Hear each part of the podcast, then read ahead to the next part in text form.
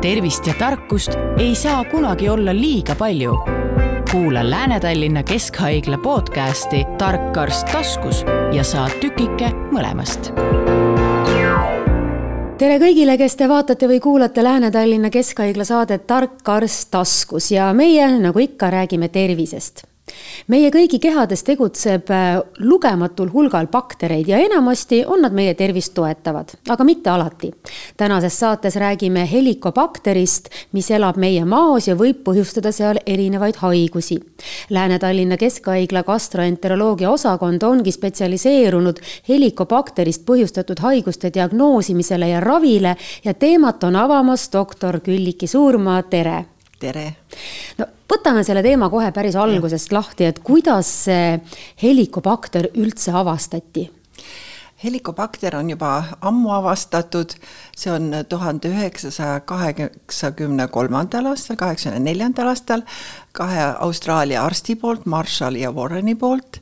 Ja nemad äh, selle leidsid nii-öelda äh, uurides mikroskoobis äh, maopreparaati ja leides komakujulisi gramm-negatiivseid baktereid. see oli küll päris keeruline, aga mis nad siis leidsid? no et avastasid, et maos, mao limaskesta äh, uurimisel, et on bakterid mm -hmm. ja, ja püüdsid tõestada maailmale, et maohaigus võib olla nakkushaigus ja raviti eh, siis ennast antibiootikumidega, nakatati iseennast ja raviti ennast välja ja sellega tõestati maailmale, et see ongi nii.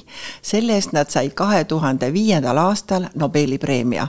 see oli väga suur avastus, sellepärast et senimaani polnud see maolimaskesta Äh, põletik või muutus või gastriit või kuidas me seda nimetame, äh, täpselt ikkagi täielikult selge, kuidas ta ikkagi tekib. uuriti väga põhjalikult, ka Tartu Ülikoolis on sellega tegeletud väga palju aastaid, professor Maaros, professor Villako, professor Salupere, et äh, see oli ka Eestis väga selline tõsine teema uurida. Aga see tõi sisse suured nagu arusaamised ja muutused, selgitas palju arstidele, et eh, see on nagu see algus. jaa, aga kuidas see helikobakter üldse inimese organismi mõjutab või kui ta on nagu kuidas ta satub? jah, et, et kuidas ta satub üldse ja, sinna? jah, no vot, siin ongi see, et eh, on tehtud palju uuringuid eh, paljudes riikides. Just lugesin hiljuti ühte artiklit ja seal oli, mõtlesin selle peale ka, et kuidas ma täna räägin. et see oli väga huvitav, et Brasiilias on uuritud just lapsi ja väikseid lapsi ja nendel leiti kahe kuni viieaastastel kas oli ligi seitsekümmend, kaheksakümmend protsenti nakatumist küsimus on muidugi riigis, kuidas see elatustase on, mida madalam on elatustase, mida äh, mustem on keskkond, mida mustem on vesi, äh, hügieen haridustase, seda kõrgem on helikobakteri esinemissagedus. ja maailmas võib öelda, on seda väga palju.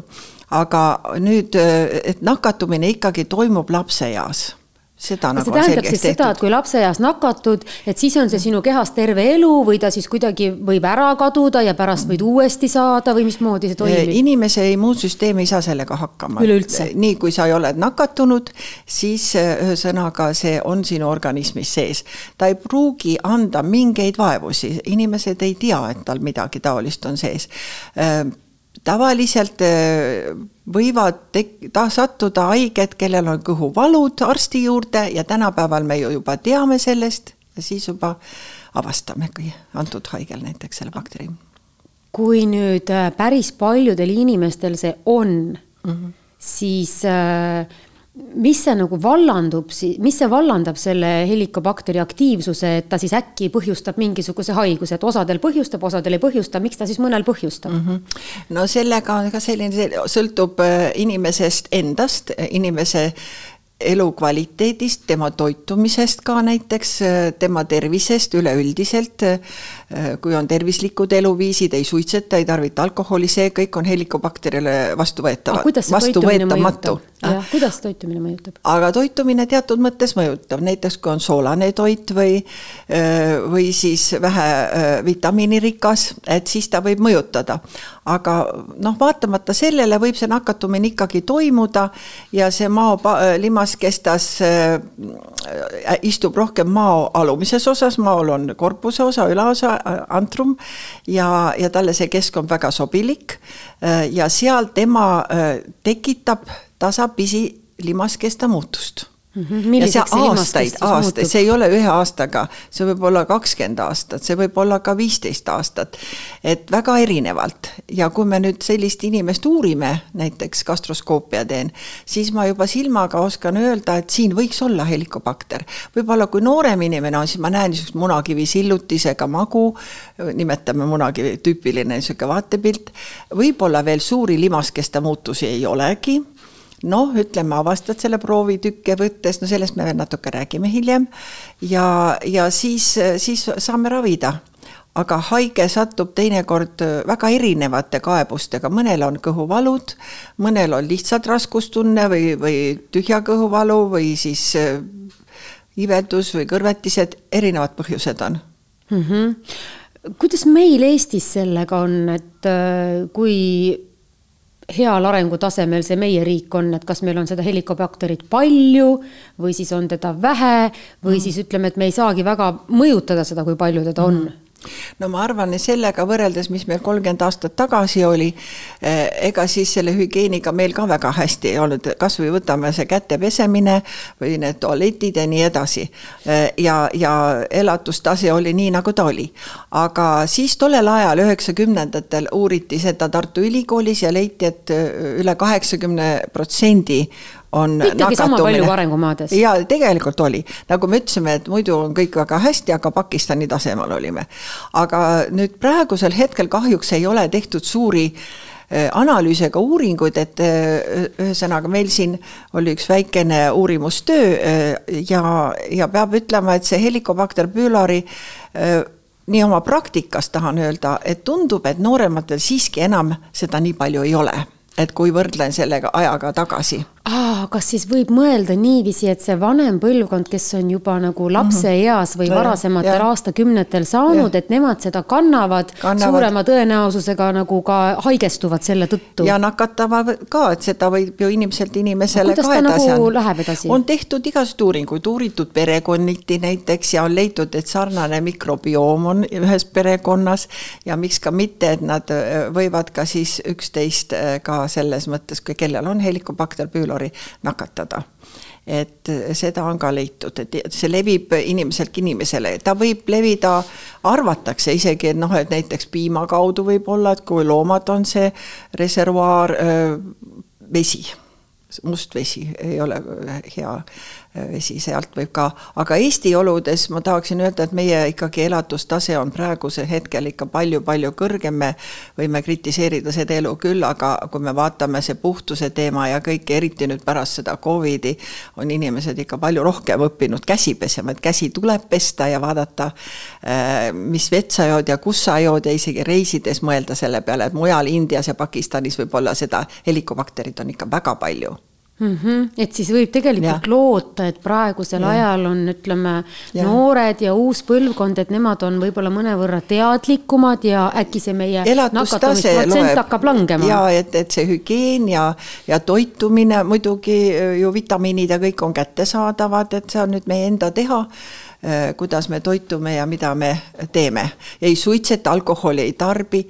Äh, võib ju öelda, et see gastriit, eks ole, et noh, see maolimaskesta põletik, et tal on omad äh, järjestused on olemas pindmine gastriit, ütleme niisugune kerge vorm, siis ta võib minna krooniliseks, siis on ta atroofiline, siis on veel düsplaasia, metaplaasia ja ja võimalik on ka vähiteke. teda peetakse esimese kartsinogreenide grupi bakteriks ja sellepärast on temale pööratud nii palju tähelepanu et äh, ühesõnaga ma tahan öelda, et kui vanasti räägid, ta tekitab, me räägime haigustest ka, et nagu esimene asi, mis meil äh, tuleb pähe, oli kaksteist sõrmiksoole haavand, eks ole. kas see on ka seotud? Ja tema tekitab seda. Mm, -hmm. tema on selline huvitav bakter, tema muudab limaskesta, tal on see võime olemas, ta eritab ureaasi, tekib ammoniaak ja seal ühesõnaga ta võib seda limaskesta nii toredasti muuta seal kaksteist sõrmiksooles, et tekib sinna haavand. Ja kui me nüüd selle haavandi haigel ilusti ravime ära selle helikobakteri, siis see haavand tagasi enam ei teki ja, ja mis me tänapäeva praktikas näeme, kui ma noore arstina alustasin, siis haavandihaigeid ja haavandi verejooksu oli väga-väga palju, kuna meil ei olnud õigeid ravimeid ja arusaama kaalud, siis nüüd meil ei ole enam. kui meil nüüd on, siis on ravimitest tingitud või alkoholist tingitud, aga mitte enam nii palju helikobakterist. ahah, aga nüüd ma küsin sellise asja, et seda ravitakse antibiootikumidega, jah? seda ravitakse antibiootikumidega. ja kui ütleme, inimesel on see bakter kas tal siis peavad olema spetsiaalsed antibiootikumid või ütleme, et ta ei teagi, et tal see on, aga ta saab mingil muul no. põhjusel antibiootikumid ja see ravib selle helikobakteri siis põhjustatud haavandi siis ka ära või kuidas see käib? ei, see on ikka niimoodi, et seal on kindlad skeemid ja rahvusvahelised kokkulepped ja. et ta kuidagi mööda minnes ise ei saa see korda? ja need on niisugused, nimetame guideline'id, mis on antud arstidele ju ette ja on teada, mis, mis siis seda bakterit nii-öelda hävitab. siis noh, meil on klassikaline ravi on siis äh, amoksotsüliin, klaritromütsiin, Nexium kaks äh, nädalat, aga kui see äh, ei aita, siis me peame muutma raviskeemi ja, ja tänapäeval arvatakse rohkem parema efektiga on vismut, mis tungib siis nii-öelda selle bakteri membraani ja hävitab teda ja, ja ta on väga efektiivne. et äh, kindlasti oleks vaja tulevikus rohkem meile mõelda sellele, et meil oleks ka Eestis kättesaadav selline rohi nagu Bülera, mis on Prantsusmaa toode ja mis on tõeliselt üheksakümmend protsenti, üheksakümmend kaheksa protsenti efektiivne. sest miks ma seda praegu ütlen, et äh, nende ravide puhul on see, et me oleme ju neid antibiootikume kasutanud võtad nii palju iga haiguse puhul ja tekib resistentsus. no ja seda ma mõtlen küll. ja, ja, ja, ja eriti tugev on see klaritromütsiini resistentsus ja kuna seda meil nüüd täpselt pole enam uuritud viimasel ajal, siis me natuke siin tegime ühe uurimustöö ja selle kahekümne kolme haige põhjal võime öelda, et, et kolmekümne seitsmel protsendil oli resistentsus klaritrometsiinile, amoksotsiliinil oli üheksa, metronidasoolile oli ka mõnikümmend, et ühesõnaga me ravime, aga teinekord me ei tea, kas see on efektiivne või mitte. et selles mõttes see on natuke probleem kuidas seda haigust või seda nakkust täpsemalt diagnoositakse üldse, et äh, ütleme, mhm. et noh, inimesel on maos mingisugune mhm. ebamugavus, milline ebamugavus äh, viitab sellele helikobakterile ja, ja mis siis äh, seal äh, Lääne-Tallinna Keskhaigla vastavas osakonnas siis tehakse? No meil on gastroenteroloogia osakond tavaline, äh, ütleme niimoodi, mis on tegelikult hiljuti loodud, on tegelikult endoskoopia osakond ja on selle juures äh, praegu hetkel on küll kirurgias gastrovoodid, aga mida me teeme, me teeme seda ambulatoorsetel haigetel, et me uurime meetodid on sellised, vanasti uuriti seroloogiliselt, eks ole, sellega võib olla tänapäeval. mis see tähendab? Eh, see tähendab vere kaudu määrati mm -hmm. antikehad, aga eh, siin me võime võib-olla, kui tehakse mingit epidemioloogilist uurimust, tahame laiemalt uurida, võib-olla siis see vereproov polegi halb mõte. me saame hinnata, kui ammu see nakkus toimus ja nii, aga praktilises elus tänapäeval me rohkem määrame eh, väljaheite analüüsis antigeenis, muidugi maauuringuid tehakse, gastroskoopia võtame proovitükke, äh, võtame maa antrumist, maa alumisest osast, ülemisest osast, saadame histoloogiliseks uuringuks, saame teada helikobakteri olemasolu, samuti teeme veel kiirtesti, et määrame kiirtesti abil, on olemas selline vastav äh, alusklaas, kuhu ma panen proovitüki ja me määrame sedasama ureaasi. Ja, ja see on ka väga efektiivne muide, e, e, et täiesti toimib ja siis on äh, väljahingatavas õhus äh, märgistatud äh, süsinik isotoop, me määrame väljahingatavas õhus helikobakter püülorit, meil on vastav aparaat ja, ja me sellega saame hinnata ja see on väga täpne, see on eriti hea, hea uurida, kui juba ravitud on ja siis vaadata lõpptulemust, kuidas, kuidas siis asi lahenes, kas on ära kadunud see bakter või ikkagi püsib. ja küsige, miks me seda nii hirmsasti taga ajame, siis see teema on ju see, et meie Eestis oleme viiendal kohal maavähi esinemis, aga maailmas on kolmandal kohal ja nendes riikides nagu Jaapani seal on äh, hästi palju helikobakterid ja seal on ka maovähki, nad on muidugi oma uuringutes väga kaugele jõudnud, Lõuna-Korea, Hiina. miks neil nii palju on, kas nende menüü on selline või, või Jaapan ja, muidu ei ole ju arengumaa? ei oska öelda, aga Jaapanis on. või neil on lihtsalt nii head uurimised ja nii palju uurimisi, et seda Nad on väga tulnud. täpsed jah, ja, ja võib-olla nad avastavad palju paremini, eks me võib-olla palju asju ei avastanud varem ka nii hästi ja, ja siis, mis ma tahtsingi öelda, et noh, kui meil see diagnoos on käes ja leid olemas, vaat üks asi, mida meie ei saa nagu täpselt tänapäeva uurimise võimaluste ja igapäevaelus öelda, missuguse vormiga on tegu, nad on erinevad. et eh, mida me seal taga ajame neid, et me ei tea, kellel on see vorm, mis tekitab, on olemas ka, ka vaka, need on eh, riskid vähile aa, et ei saagi ja, kohe öelda, et see on vähki põhjustav bakter ja see ei ole ja aga, aga mis vormis, seda me nagu öelda ei saa, see on väga ilmselt äh, labori töömahukas, see on teadustasemel praegu, kui tehakse. Ja meie tegime ka siin uuringuid ja kahekümnest kolmest ütleme seitse me leidsime sellise riskigrupis äh, helikobakteri ja kolmel oli tõsiselt riskantne, kahekümne kolmest, mõtelge selle peale, kolmel see on, tegelikult on täitsa päris palju. kõva, kõva see on päris sõna, palju ja tegelikult ju tahaks, tahaks ju rohkem teada ja, ja täpsemalt teada ja. no vot, no see kahjuks ei ole võimalik, aga see, aga võimalus on neid ära ravida. ja siin me ei filosofeeri selle ümber ja noh, me juba rääkisime duodenaalhaavandist, maohaavandist ja, ja, ja kroonilisest gastriidist, mis peale selle, et ta lihtsalt on ütleme haigele tülikas, ta võib tekitada raskustunnet, düskomforti, ütleme, on ta ka mis ma tahtsingi nüüd öelda täpselt. nii, gastriidi kohta. gastriidi kohta jah, et, et, et ka trauma imendumishäired, B kaksteist vitamiinihäired, et mul on üks väga tore slaid silmade eest ühelt ürituselt Helicobacter pylori konverentsilt eelmine aasta Glasgow'st, kus üks professor äh, joonistas kolme tüüpi magu on olemas. esimene magu inimesel, ütleme, ühel tüübil on normaalne muidu magu, aga ta on happeline ja mm -hmm. nüüd on mhm. tal helikobakter.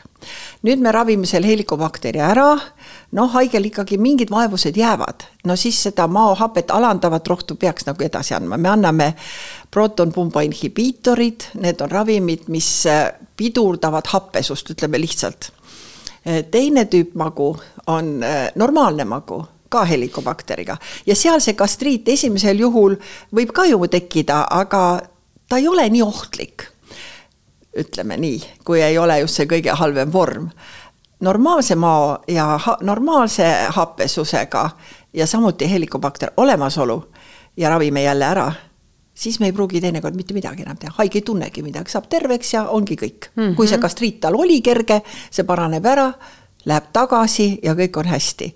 ja nüüd on see kolmas vorm kui on tegemist atroofilise gastriidiga, see tähendab, et maoseinad õhenevad, limaskest on muutunud nii antrumis kui korpuses ja tal on helikobakter. mis siis saab? vot see on kõige suurema riskiga äh, grupp, keda tuleks nagu jälgida nii maovähi suhtes ja nendele võib-olla ei peaks ka tingimata pärast andma neid protonpumba inhibiitoreid, et kui on krooniline atroofiline gastriit, helikobakter on välja ravitud ja kaebusi ei ole no siis me ei pea ravima, lihtsalt sellepärast, et tal see gastriit on. et see on nagu viga, mida me teeme ise, ise ka vahest. no tal võivad olla muud probleemid, tal võib olla reflukshaigus, see läheb natuke välja sellest teemast, aga see läheb sellega seoses, et, et kroonilise gastriidi ja reflukshaiguse seost tegelikult ei ole et helikobakter sinna ei mõju, söögitorule ei mõju. Need inimesed, kes praegu ja. meid kuulasid ja, ja kes ja. võtavad seda ravimit, et neil üles ja. ei viskaks ja. toitu, et nad ei pea mõtlema, et nad on suurem riskigrupp selle helikobakteri äh, ei, ei ole jah? ei ole jah, et seda nagu äh, üks saksa äh, prof, kuulus professor Malbersteiner ütles oma esin-, esinemises, ainult surnud helikobakter on hea ja et ühesõnaga, kui me selle välja ravime ja kui jäävad mingid muud probleemid, siis tuleb sellele läheneda ka teistmoodi. ka lihtsalt selle reflukshaigusega, see on juba omaette haigus või ütleme mm -hmm. omaette probleem mm. -hmm. kui tõhusad need äh, ravimeetodid, mis meil siin Eestis praegu kättesaadavad on, et kui tõhusad nad on? No ütleme seda, mis ma nüüd ütlesin, et need antibiootikumid on kättesaadavad ja neid ma ei hakka kõiki skeeme siin ette lugema, see on arstide rida. aga vot mõni rohi võiks olla nagu see Bülera või Vismut, mis on teada maailmas, et ta on efektiivne ja ta on nagu esimeses reas praegu nendes guideline ides soovituslik arstidele et me saaksime ju kergema vaevaga nad ühe korraga ära ravida, kui me siin ravime mitme skeemi järgi ja tulemust ei ole. et muidugi siin tuleks rohkem määrata seda klaritramütsiini resistentsust Mhm. enne Et kui ravima hakata. ravid ja ravid ja ei ole sellele tuleb mõelda, tulemust. et seda tuleks hakata määrama rohkem. ja, ja Äh, see on nagu siis mõnevõrra äh, pärilik, et on äh, võimalus saada endale see maovähk äh, helikobakteri tõttu. mul on nüüd selline ähm, huvitav side tekkis ja nüüd ma saan kontrollida, kas see on tõsi või mitte, et muidu üldiselt arvatakse, et vähk ei ole nakkav, aga kuna helikobakter on nakkav, siis kas vähi põhjustaja põhimõtteliselt, siis ta võib ikkagi nagu suguvõsa mööda edasi käia. no see oli see Ja- ja- to tore artikkel, kus perekonda uuriti ja siis sarnased mikrobiomid noh Just, uuriti. just. et sa võid ikkagi see- siis, kaudselt on vähk nakkav Kau, siis. kaudselt ja ta ei ole nagu otseselt, ta ei ole geneetiliselt, ütleme, geneetiline maovähk on ka ju olemas, et mm -hmm. pärilik, see on alla viiekümne aastastel ja siis uuritakse geneetilises kabinetis, geneetikakabinetis. aga helikobakteri olemasolu ja ravimata jätmine ja kui seal on üks niisugune virulentne vorm, mis on tõesti ohtlik, siis võib ju olla ja ma arvan, et see on ka võib-olla isegi nagu uudis Ja. äh, päris mitmele inimesele ja ja, ja asi, mida, mida, mida nagu tasub äh, teada. missuguseid terviseprobleeme see helikobakter veel põhjustada võib? no äh, tal on nii palju omistatud, ütleme. Tõeline pahalane. jah, et äh, arvatakse seoseid maksahaigustega, on äh, leitud näiteks, et üks töö oli, ma lugesin, Parkinsoni tõbi näiteks on haigel ja kui ravida helikobakter ära, siis need Parkinsoni ravimid mõjuvad paremini. no nii igasugust südame-veresoonkonnale ja nii edasi, see võib olla ikkagi seotud mingi põletikulise protsessiga. Et kui põletikukolle on likvideeritud, siis kõik muu läheb paremaks, kuidagi jah. jah, et need täpsed asju, noh, seosed me veel ei, ma ei julge siin hakata rääkima, aga igal juhul on, seda uuritakse, et ta, ta on väga tugev bakter, ta on väga võimas ja ta muudab soole mikrofloorat ka ja ta muudab mao mikrofloorat ja, ja mis sealt edasi tuleb, me ei tea ju, eks ole. me ei tea, mikrofloora ja. teemast on viimasel ajal väga palju räägitud, aga me oleme vist üpris selle teekonna alguses alles et.... ma arvan, et mina julgeks rääkida, et võib-olla mõni mikrobioloog räägib paremini, aga, aga nii palju kui siit ja sealt ja loengutest meelde on jäänud ja siit loetud, et see, see on, aga, aga meil on olemas diagnoos ja meil on olemas ravi ja seda me peame, seda ma võrdleks nagu C-viiruse hepatiidiga tänapäeval, et me teame, kuidas diagnoosida ja me saame ta ära ravida terveks. Just. ja see on suur asi. kui helikobakteri olemasolu on nüüd ära fikseeritud inimese organismis, siis mis edasi saab, et kui tihti ta peab hakkama siis kontrollis käima või mismoodi teda jälgitakse? no ei ole väga sellist kindlat skeemi selle kohta küll olemas, et arvatakse nii, et kui see nakatumine toimub lapsepõlves rohkem, et siis võib-olla see reinfektsioon pole nagu eriti võimalik, aga no on ikka vist mõnel juhul võimalik ka, täpselt ei tea. no haiged, teinekord need maohaiged satuvad ikka gastroenteroloogi muu probleemiga ja siis saab jälle kontrollitud, siis tegelikult see asi on ka veel uurimisstaadiumis, et helikobakteri vormid võivad maos olla erinevad. Ja nüüd ühe ravime ära ja teine jääb ravimata, sest et resistentsus ja me oleme siin eh, doktor Kaisa Roots või tähendab Pirjo Spoon, need teadlased, kes minuga koos siin tegid seda uurimustööd, nemad põhiliselt tegid, mina, minu poolt olid nagu haiged, et, et seal tuli välja jah, et, et erinevad vormid võivad olla nii maoantrumi proovitükist kui korpuses.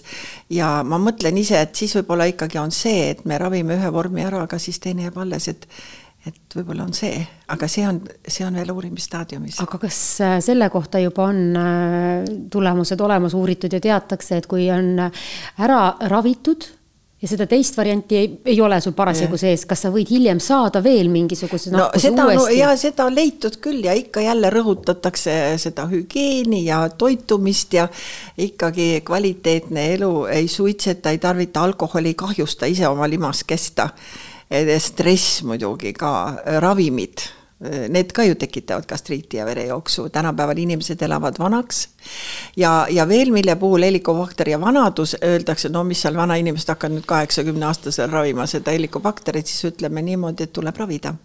et eh, kui me ravime selle ära, kuna haiged saavad palju verevedeldajaid, valuvaigistid, ravimid, siis verejooksu risk on neil tunduvalt väiksem kui nendel, kes on ravimata ja kellel on helikobakter alles. no ja kui on ravimata, siis on ju ka võimalus, et vanavanemad nakatavad näiteks oma lapselapsi, hakkab see ring otsast no, peale. täpselt otsast peale, kes keda nakatab ja ongi. jaa.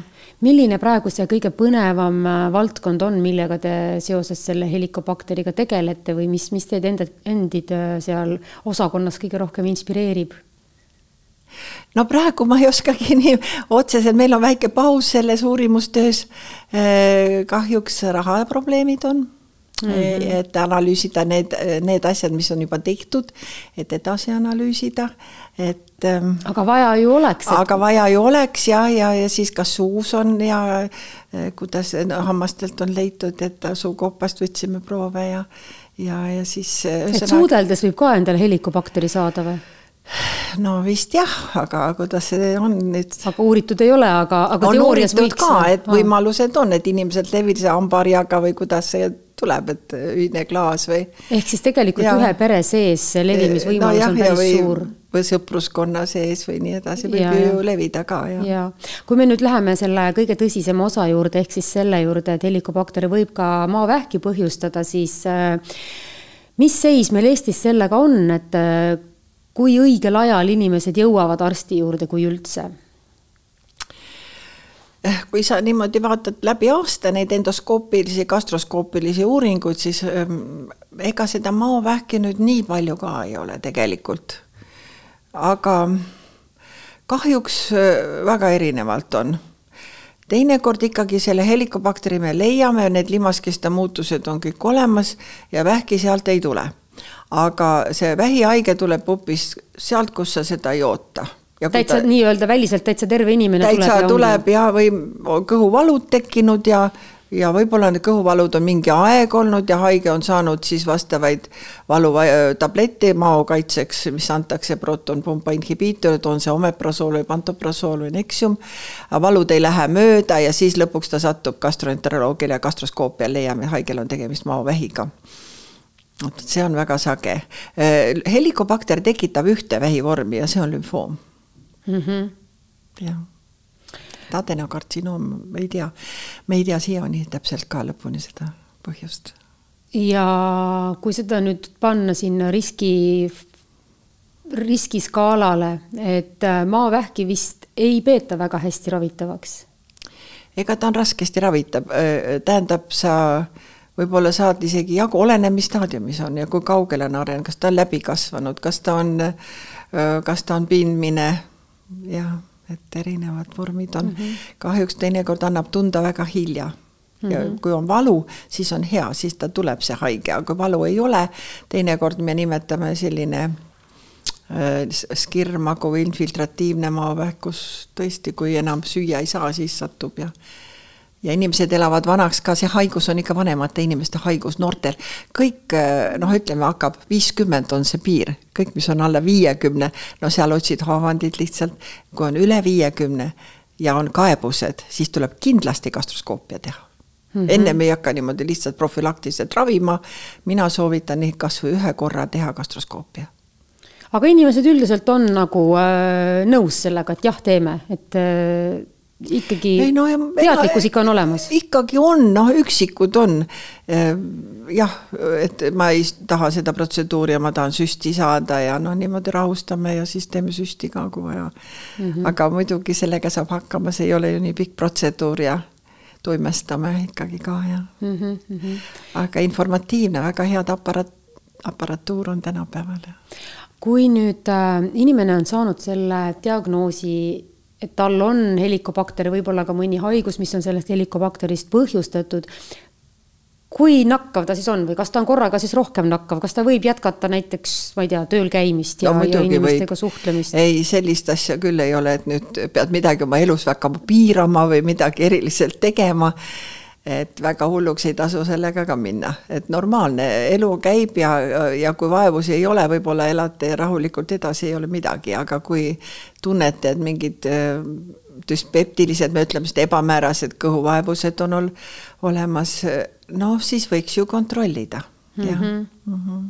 isegi ei pea avandit olema jah, ka, ka selles mõttes piisab sellest, kui sul on kõhus ebamugavus ja. või siis valu ja, ja, ja muud äh, variandid on välistatud, et siis tasub tulla uurim-, uurima. noh, see on ikkagi see, et, et ega kõik vormid ei ole nii ohtlikud ka, et selles mõttes. et ei maksa liiga suurt kolli sellest bakterist tasu... teha, aga samas ta on ikkagi üpris ohtlik. et tähendab, ta on selles mõttes, et ta ta jah, ta on selles mõttes, kui ta on avastatud, siis tuleb ravida, öeldakse niimoodi.